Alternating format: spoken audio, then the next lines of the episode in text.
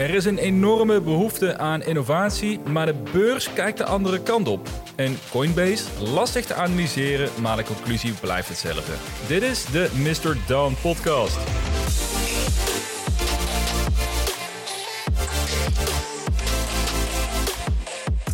Het begint een vast ritueel te worden om deze podcastaflevering te starten met een... Zo, dat was weer een vermakelijke week? Maar ik moet toegeven dat ik er eigenlijk eh, veel minder van heb meegekregen dan in de afgelopen maanden. In ieder geval wat de impact is geweest op mijn portfolio. Want natuurlijk heb ik gezien hoe de Nasdaq deze week weer net zo stabiel was als een emotionele tiener in de puberteit. Maar ik heb dus echt geen idee wat dit voor mijn portfolio heeft gedaan, omdat ik de app van mijn telefoon heb gehaald of eigenlijk heb geblokkeerd. En stiekem was dat wel een hele goede beslissing. Want allereerst kom je hierdoor direct in een mindset terecht dat je geen enkele invloed hebt op de beurs. Je kunt toch geen actie ondernemen, want de app is geblokkeerd. Dus je hoeft er niet over na te denken of je wilt bijkopen of juist wilt verkopen. Want die optie heb je simpelweg niet meer. En het klinkt misschien wel heel makkelijk, want je zou natuurlijk zo de blokkade eraf kunnen halen. Maar ik merk zelf dat dit stiekem echt impact maakt op je gedrag. Ik heb de afgelopen week mijn app geen enkele keer geopend. Terwijl ik wel natuurlijk sporadisch een keertje naar eh, de koers heb gekeken van de dag. Maar daardoor kon ik eigenlijk weer vrij snel terug naar de, de orde van de dag. En dat valt mij op dat dat vooral leidt tot meer, ja, noem het even, uh, emotionele stabiliteit. En normaal gesproken kon ik wel eens het gevoel hebben dat ik echt actie moest ondernemen op mijn portfolio. Nadat de, de koersen weer met een paar procent waren gedaald. En die behoefte was nu totaal weg, waardoor ik mijn tijd kon besteden aan nuttigere dingen. Dus ik heb eindelijk het boek The Intelligent Investor van Benjamin Graham uitgelezen. Ik ben gestart aan een nieuwe website die ik volledig met SEO groot wil gaan maken. En ik heb meer gelezen over trends en ontwikkelingen in de markt aan zich. Nou, hierover wil ik het zo meteen ook gaan hebben. Want als ik één ding heb gemerkt in de afgelopen week, is dat innovatie nu meer dan ooit tevoren de kans heeft om tot bloei te komen. Ondanks dat de resultaten op de beurs laten lijken alsof we een eh, stapje terug in de tijd willen zetten, dus al met al zou ik iedereen aanraden om een keer ook gewoon jouw brokers-app van je telefoon te gooien of te blokkeren. Ik zie in ieder geval voor mij dat dat een positieve impact heeft gemaakt. En mijn ambitie is om de hele maand mei geen enkele transactie uit te voeren in mijn aandelenportfolio. Nou, tot zover is dat uh, redelijk goed gelukt. Maar natuurlijk heb ik wel de waanzinnige week meegekregen. Dus mee door de update van de Amerikaanse Federal Reserve was het echt weer een, uh, nou, een periode. Zo druk ik het denk ik het, uh, het, meest, het meest netjes uit, denk ik. Nou, daar ga ik zo meteen deze aflevering mee starten. Om daarna te kijken naar de rol van innovatie in de huidige omstandigheden. En afsluitend wil ik het hebben over Coinbase. Wat ontzettend moeilijk is om te beoordelen. Maar wat mij betreft is de conclusie eigenlijk in alle opzichten hetzelfde. Dus daar ga ik straks ook mijn mening over delen. Maar voordat we van start gaan, eerst nog de bekende disclaimer. Dit is geen financieel advies. Doe altijd je eigen onderzoek en beleg alleen met geld dat je kunt missen. En vind je dit nou een toffe podcast? Dan zou je mij helpen om een score achter te laten via de Spotify-app of via Apple Music. Of maar heet het Apple Podcast tegenwoordig. Je kunt hem ook volgen via Podimo trouwens. Nieuwe app, hartstikke leuk. Dus daar is ook deze podcast op te luisteren. Nou, over uh, naar de afgelopen week. Want de beurs gaat alle kanten op naar het bericht van de Fed. Ze hebben namelijk een renteverhoging van 50 basispunten doorgevoerd. Dat waren nou niet de gevreesde 75 punten. Of 0,75 procent, kan ik beter zeggen.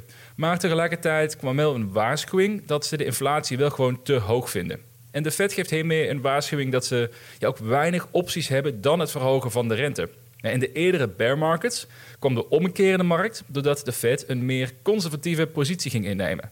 Ja, en die optie lijkt er nu simpelweg niet te zijn. Door de hoge inflatie die echt eerst afgeremd zal moeten worden. Opvallend wel is dat de Fed het signaal afgeeft dat zij misschien wel te sterk aan de teugels trekken. Want de beurs liet meteen een enorme rally zien toen ze zeiden dat ze nou ja, het wel zien dat de inflatie hoog is, maar dat ze niet meteen te zware actie gaan ondernemen. En dat geeft denk ik wel een indicatie hoe sterk het herstel van de beurs kan zijn als er straks ooit een keer positief nieuws komt over de economie en de rentes, waardoor de Fed iets meer terug in een hok kan. Er zijn ook datapunten die aangeven dat de inflatie redelijk aan het toppunt zit. De huizenprijzen beginnen te dalen, de salarissen stijgen minder hard dan een jaar geleden. En ook is in Amerika de GDP het afgelopen kwartaal gedaald. Nou, als er nog één kwartaal gebeurt, dan zit Amerika officieel in een recessie. En dat gaat doorgaans gepaard met een lagere inflatie. Simpelweg omdat er dan ook gewoon minder geld in de economie rondgaat. Een recessie in uh, Europa is trouwens ook zeer aannemelijk. Al, uh, nou, dat is eigenlijk al breed aangenomen door analisten dat dat gaat gebeuren. En als je kijkt naar de segmenten op de beurs, dat vond ik eigenlijk wel een hele leuk om te zien. Er is maar één segment, of een industrie moet ik zeggen, die dit jaar in het groen staat. Nou, welke zal dat zijn? Niet geheel verrassend, dat zijn de energieaandelen. Die zijn collectief namelijk 43% gestegen dit jaar. Shell is bijvoorbeeld 35% gestegen. Uh, Chevron, het aandeel waar Warren Buffett een flinke positie in heeft genomen afgelopen februari en maart, die is dit jaar al met 43% gestegen. En behalve energie zijn alle andere domeinen of industrieën zijn gedaald. Dus degenen die eind vorig jaar hun portfolio hebben aangepast naar de meer macro-economische omstandigheden, die hadden verwacht dat de energieprijs inderdaad zou gaan stijgen door de problemen die er zijn, nou, die hebben vooralsnog wel gelijk gekregen. Maar ik ben heel benieuwd hoe de energieaandelen aan het einde van het jaar hebben gepresteerd in vergelijking met de andere industrieën. Want ook die sector gaat uiteindelijk wel afkoelen. Ja, omdat de huidige prijzen natuurlijk onhoudbaar zijn voor de langere termijn. Want er zijn niet alleen de landen failliet, maar er zijn wij als consumenten ook redelijk het haasje, denk ik, eh, als het nog een lange tijd zo doorgaat. Een andere opvallende statistiek zag ik afgelopen week in de biotech-aandelen. Nog nooit in de historie waren er zoveel biotech-aandelen waarbij de waardering lager is dan hun cashpositie. Oftewel, de markt waardeert biotech-bedrijven zo laag dat je zelfs korting krijgt op de cashpositie die ze hebben. Nou, ik denk dat slimme biotech-beleggers met veel geduld dat zij hier echt enorm van zullen gaan profiteren in de komende jaren. Helaas is dat zo'n specifiek domein dat ja, niet iedereen de juiste bedrijven zal kunnen vinden. En voor mij in ieder geval ligt dat volledig buiten mijn scope. Maar deze statistiek geeft wel aan ja, hoe doorgeslagen bepaalde waarderingen zijn. Ja, in de markt natuurlijk, die op dit moment echt extreem pessimistisch is. Ik heb het al eerder gezegd, dat biedt kansen. En die kansen lijken nu als eerste te komen dus in de biotech-industrie. En interessant genoeg heeft juist innovatie meer kansen gekregen door de problemen de afgelopen twee jaar. Maar dit soort bedrijven, of dit soort aandelen, die ook vaak in deze podcast benoemd worden, die zijn juist het hardste afgestraft door beleggers. En ja, goed toegegeven, natuurlijk waren de aandelen, of de waarderingen van veel aandelen ook wel simpelweg te hoog. Desktop Metal, natuurlijk eentje wat hier vaak besproken wordt, was op een gegeven moment gewaardeerd voor 10 miljard dollar. Terwijl de omzet op dat moment onder de 100 miljoen dollar lag. Nou, ik denk dat de meesten wel kunnen herkennen dat in die fase de markt behoorlijk euforisch was. Er kon niets misgaan en innovatie zou de wereld gaan veranderen. En er zou dus als, als reactie zou er ook een enorme economische groei aan zitten te komen. Maar ja, ik denk we nu al mogen constateren dat dat iets te, nou, iets te nou, zeg maar rust, veel te optimistisch is, uh, is gedacht. Maar goed, anderzijds mag je nu ook wel stellen dat dit soort aandelen nu te extreem naar beneden worden beoordeeld. Nou, laten we eens gaan kijken naar een paar sectoren en hoe de toegevoegde waarde daarvan is gestegen de afgelopen twee jaar. Vanuit een paar problemen waar wij nu wereldwijd tegenaan lopen. Dus allereerst, een van de problemen waar wij nu allemaal mee te maken krijgen, dat zijn de hoge energiekosten. Nou, de oorzaak is helder. We halen veel gas en olie binnen van Rusland. En die afhankelijkheid willen we in het Westen gaan afbouwen. Oftewel hogere prijzen, want minder aanbod. Nou, dat is een ABC'tje. En een van de meest voornaamste oplossingen daarvoor is ervoor zorgen dat onze transport overstapt op hernieuwbare vormen van energie. Dus eigenlijk een hele duidelijke focus. Elektrische auto's zou daar een hele goede oplossing voor kunnen zijn.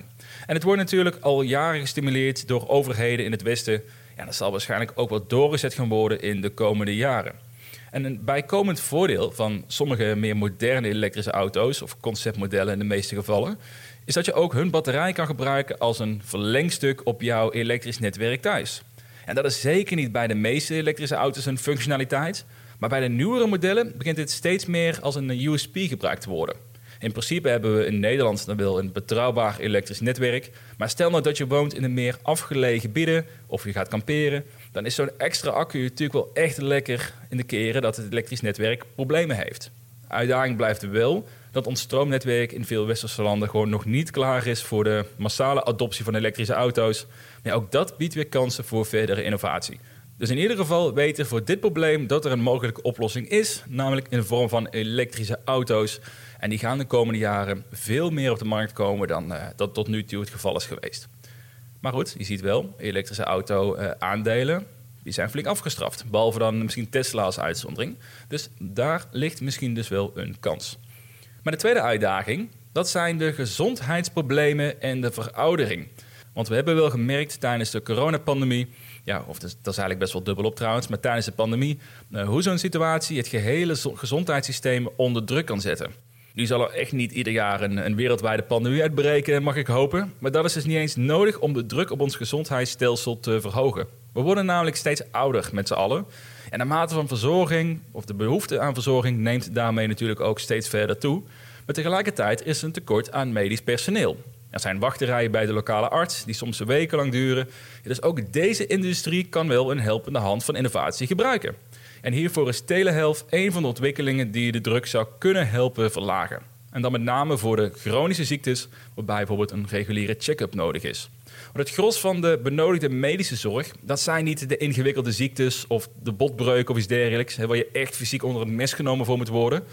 Maar er is veel meer hulp nodig bij de chronische ziektes, zoals diabetes, eh, mentale problemen, eh, problemen bloedwaardes enzovoort.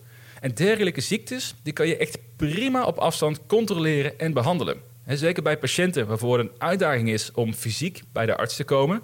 mensen die slecht te been zijn of die geen auto meer kunnen rijden. Ja, daarvoor is telehealth wel echt een oplossing. En de perceptie dat telehealth geen toekomst heeft omdat men liever fysiek bij de dokter wilt zitten. Ja, dat is met mij betreft ook simpelweg te kort door de bocht geredeneerd. Er is een reden waarom analisten verwachten dat telehealth wereldwijd gemiddeld 36% per jaar blijft groeien in de komende zes jaar. En wat mij betreft is dat eigenlijk wel een, eh, een, een hele interessante markt waar je nu in actief zou willen zijn. Het is ontzettend jammer dat Teledoc heeft lopen klooien de afgelopen maanden, want dat was een hele mooie inzet geweest op telehealth. Maar we gaan zien hoe zich dit gaat ontwikkelen. Maar ook dit is dus telehealth of de gezondheidssegment, gezondheidsindustrie is iets waar innovatie echt nodig gaat zijn om uh, de druk aan te kunnen de komende jaren. En als we het dan toch hebben over de druk aan kunnen, wat te denken aan het gebrek aan werknemers overal. Veel bedrijven hebben moeite om gekwalificeerde mensen aan te nemen. De mate van werkeloosheid is behoorlijk laag, bizar laag eigenlijk in westerse landen. Dus toch blijven hier problemen ontstaan puur in het vinden van genoeg handjes. En deze trend zorgt ervoor dat bedrijven versneld gaan kijken naar alternatieven. En de logische oplossing ligt in de automatisering. En daar is stiekem al echt ontzettend veel in mogelijk. Om een super simpel voorbeeld te geven, ik zou nu zelf een webshop kunnen opzetten waarbij ik 90% van zeg maar, mijn activiteit als ondernemer automatisch kan laten verlopen. van het doorvoeren en het bezorgen van bestellingen, eh, de marketingactiviteiten, de mail-updates. Ik kan een actie instellen om eh, klanten van mij een maand later alsnog een mail te sturen met wil je dit product nog kopen of, eh, whatever. Dat kan allemaal volledig geautomatiseerd worden. Financiële resultaten verwerken kan geautomatiseerd worden. Nou, er, is inmiddels zoveel mogelijk. En dan heb ik het maar over een heel simpel voorbeeld voor een online webshop. Maar stel je nou voor, als je kijkt naar, eh, naar grote corporates, daar, daar is al een bepaalde mate van automatisering gaande. Maar denk dan ook bijvoorbeeld aan robotisering. Er worden nu al warenhuizen gebruikt die 100% door robots worden bediend. Uitgezonderd dan misschien die paar mensen in het, uh, in het controlpanel bezig zijn. Nou, dat scheelt je direct pak een beetje 200 mensen aan personeel. Terwijl de werkzaamheden aan zich 100% secuur, foutloos en zonder klagen worden uitgevoerd. En doordat er ook een gebrek is aan arbeidskrachten, gaat het ook weer niet ten koste van mensen. En in plaats van werken in een warenhuis biedt het voor hen weer kansen om zich breder op te laten leiden naar beroepen waarbij automatisering niet mogelijk is. Dus automatisering en robotisering is ook in mijn ogen een trend waar je de komende jaren echt wel veel van mag gaan verwachten. Ook van beursgenoteerde bedrijven. En dan de vierde en de laatste trend, of eh, noem het eigenlijk meer een macro-uitdaging, hoe je ook noemen wil. Dat zijn de veelgenoemde supply chain problemen.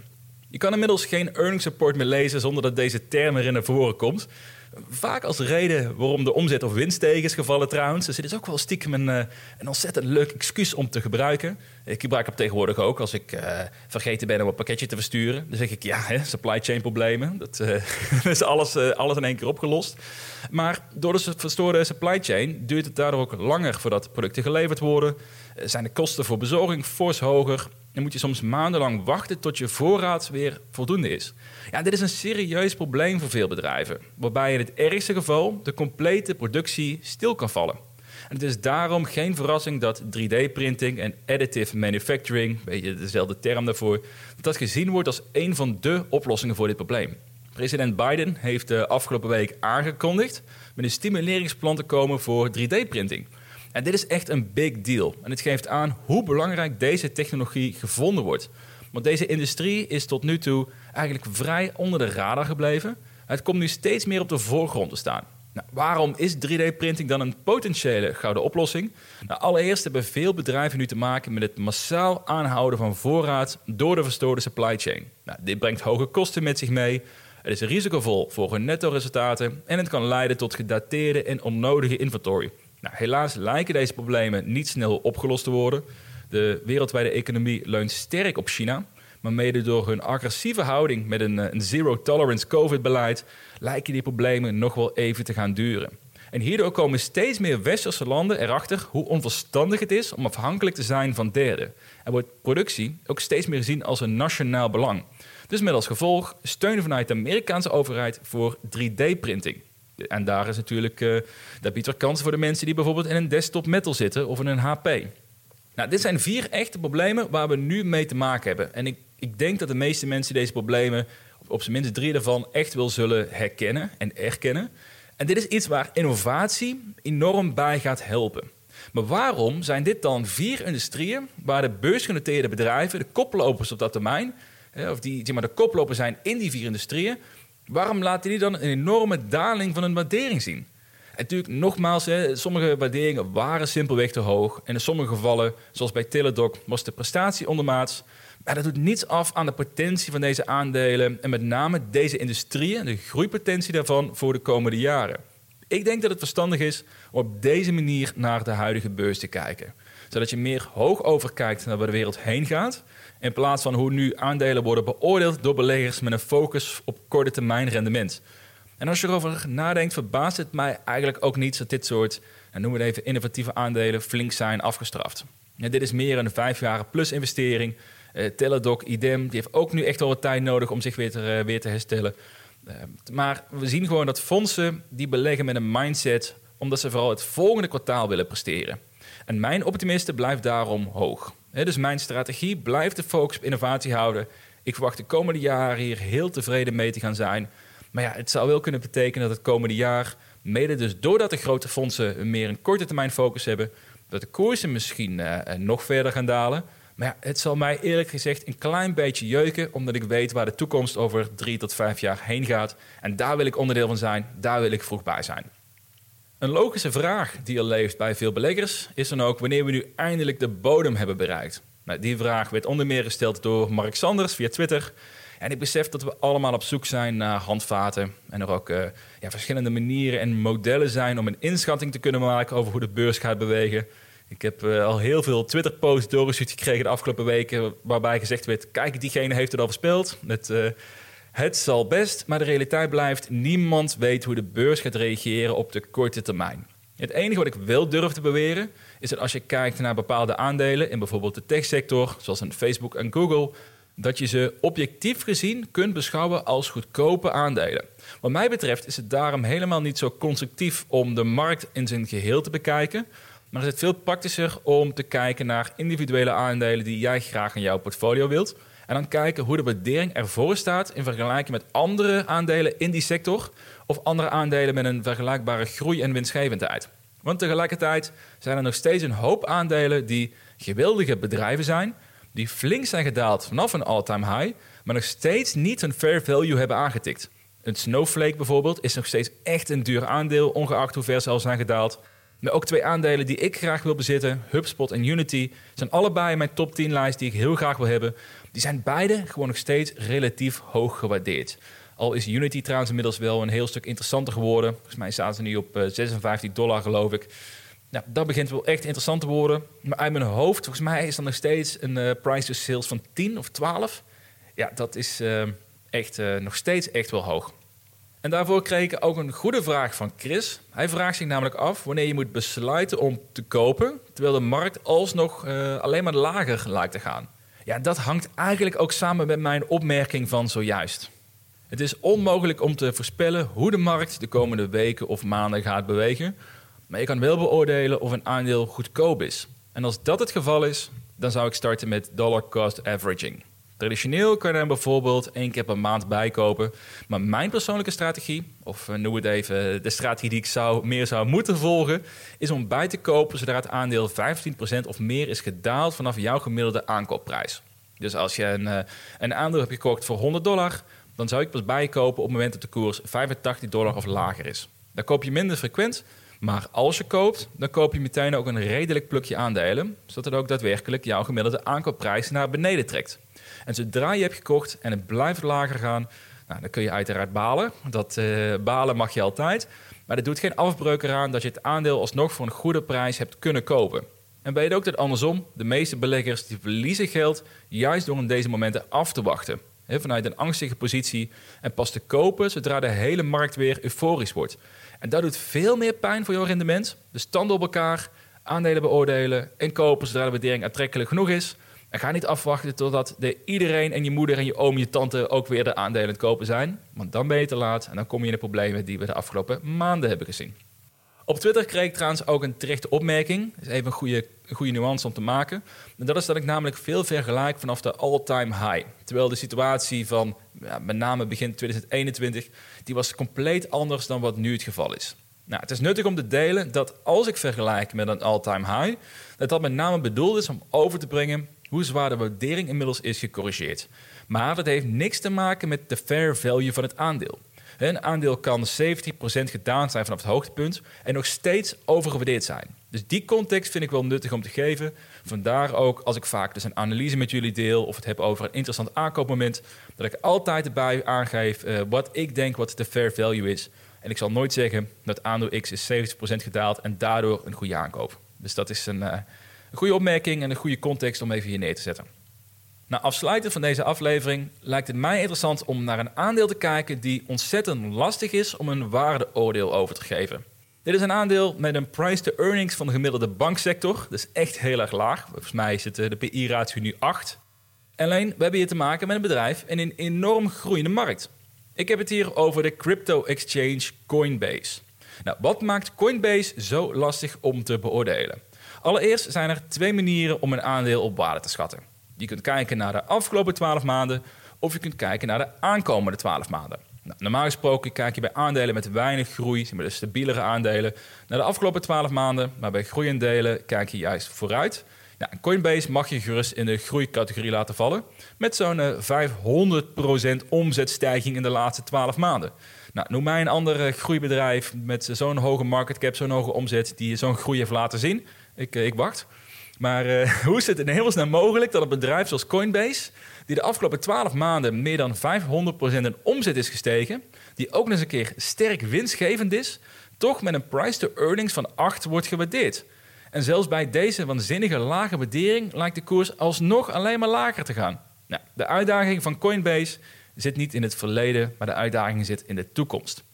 Coinbase verdient namelijk als crypto exchange op de basis uh, of op de hoeveelheid transacties. Niet per se op de prijs van Bitcoin bijvoorbeeld. Dus hoe volatieler de markt, zowel naar boven als naar beneden, hoe meer mensen handelen eigenlijk, des te beter voor hun omzet. Het afgelopen jaar was waanzinnig voor crypto, met een enorme mate van transacties. En dat heeft Coinbase geen winddraaier gelegd. Maar daardoor kwam de omzet het afgelopen jaar uit op bijna 8 miljard dollar. Of een ruim 3 miljard netto winst. En dat zijn echt geweldige cijfers. Maar de uitdaging is dat deze cijfers mogelijk de komende jaren niet meer gaan voorkomen. En dat maakt Coinbase anders dan bijvoorbeeld een Google, waarbij je gewoon vast terugkerende omzet hebt. Zij zullen het komende jaar echt niet 30% van hun omzet gaan verliezen. En bij Coinbase is dat best wel een serieus scenario dat dat gaat gebeuren.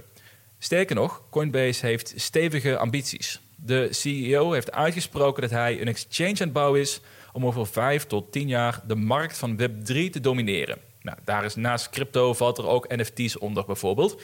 En hierdoor gaan zij de komende jaren fors blijven investeren. Dus de verwachting is dat Coinbase het komende jaar zelfs verliesgevend gaat worden. Ja, en dat is natuurlijk een flinke trendbreuk. Van de 3 miljard, omzet, 3 miljard winst die ze gemaakt hebben het afgelopen jaar naar een negatief jaar. Ja, en mede daardoor, en doordat ook de, de lagere crypto-transacties al uitwijzen dit jaar, eh, gaan waarschijnlijk ook de omzet die gaan een flinke tik krijgen. En dat zorgt er allemaal voor dat de markt ontzettend conservatief is om, uh, om Coinbase op waarde te schatten. De vraag is dan ook, in hoeverre is die conservatieve houding te ver doorgeslagen of is die correct? En ja, je kunt er van alles van vinden. Je kunt uh, een trendrapport lezen over crypto. Iedereen heeft wel een mening over of Bitcoin toekomst heeft of niet. Ik heb geen zin om daar nu allemaal over in te gaan. Ik heb mijn eigen mening en ik ben heel bullish op dit hele domein. Uh, maar ik dacht, nou, laten we eens objectief mogelijk dit gaan bekijken. Dus ik heb berekend op basis van de free cashflow verwachting. En dan blijkt pas echt hoe bijzonder goedkoop Coinbase op dit moment is. Ik heb drie scenario's voor jullie. Om, je mag jezelf kiezen wat, je, wat, je, uh, wat jouw verwachtingen daarbij zijn in de komende jaren. Om te beginnen met een scenario. Stel dat Coinbase de komende vijf jaar ieder jaar 10% van hun omzet gaat verliezen. En dat zou betekenen dat hun omzet over vijf jaar is gedaald van 7,8 miljard naar 4,6 miljard in 2026. Daar ga je ervan uit dat de interesse in crypto fors is gedaald. Of dat Coinbase niet meer tot de top 5 exchanges behoort. Nou, een kleine kans, maar een theorie mogelijk. Eh, zeker als je eh, gelooft dat crypto geen toekomst heeft. Maar zelfs in dat scenario is Coinbase momenteel 194 dollar waard per aandeel. En dan heb ik ook nog eens een keer een fors lagere EBITDA-marge aangehouden. Volgens mij 15%, terwijl het op dit moment 45 of 56% is. Dus uh, echt nadrukkelijk lagere marges.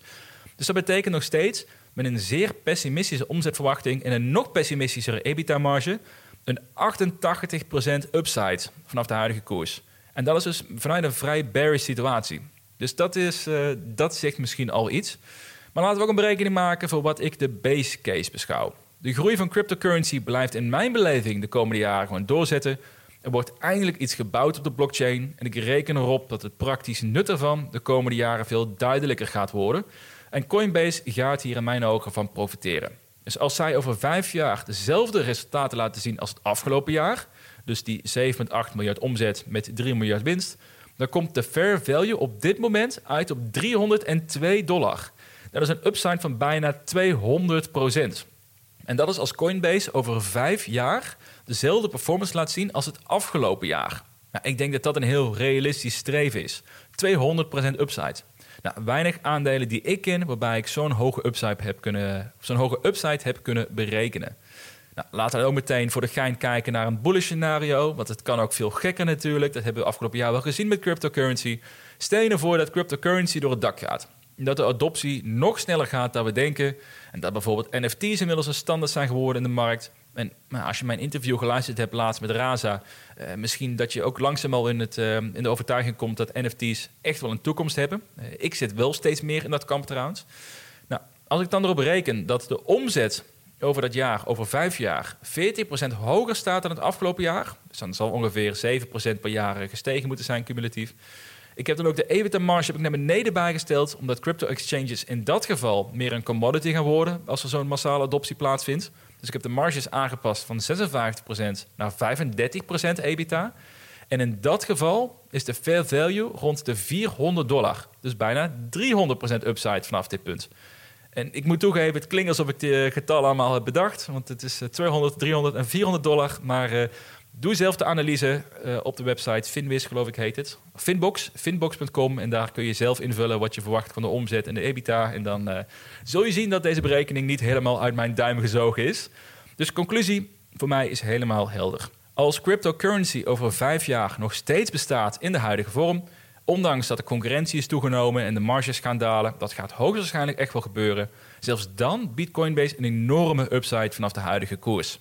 Coinbase zal pas een waardeloze investering blijken als cryptocurrencies hun nut verliezen, als Coinbase overtroffen wordt door een andere exchange of als Coinbase simpelweg ophoudt te bestaan. En alle drie de scenario's zijn natuurlijk altijd een mogelijkheid, maar wel een minimale kans in mijn beleving. Wat mij betreft is Coinbase echt een geweldige aankoop vanaf het huidige punt. Dus zodra ik weer vers kapitaal krijg en ik mag weer de app blokkeren van mezelf, dan zal eh, Coinbase het eerste aandeel zijn waarvan ik mijn positie blijf uitbouwen. Dit is gewoon een investering in de toekomst van Web3. In crypto en NFT's voor een bijzonder aantrekkelijke prijs, een enorme upside, ondanks uh, of je gelooft in een bearish of in een bullish uh, prijsontwikkeling in de komende jaren. Terwijl de markt op dit moment natuurlijk uiterst pessimistisch is. Ja, dat klinkt mij wel echt als muziek in de oren. Dus wat mij betreft zeker een aandeel om zelf een blik op te werpen. Ook als je pessimistisch bent over cryptocurrency. Al kan ik me voorstellen, als dat het geval is, dat je denkt van joh, praat maar lekker verder met je Coinbase. Ik steek mijn geld en mijn tijd wel in andere aandelen. Maar voor degene die wil denken dat er een uh, mooie toekomst in zit, Coinbase is in mijn ogen de moeite waard. Alright, dat was hem weer voor deze week. De aflevering voor de komende week zal waarschijnlijk op de woensdag geplaatst worden in plaats van op de maandag. Ik ben er namelijk een weekendje tussenuit om bij te komen van deze intensieve beursweken. Maar ik ga vooral met vrienden leuke dingen doen. Dus dat, uh, dan moeten we de aflevering een paar dagen wachten. Nou, dankjewel voor het luisteren. Check vriendvandeshow.nl slash MrDon als je mij wilt steunen en toch nog wilt krijgen tot exclusieve afleveringen. De eerstvolgende exclusieve aflevering is een analyse over Roblox. Ook een ontzettend tof aandeel. Dat wil je niet missen, maar dat is dus voor de vrienden van de show. Nou, nogmaals dankjewel en graag tot de volgende week woensdag.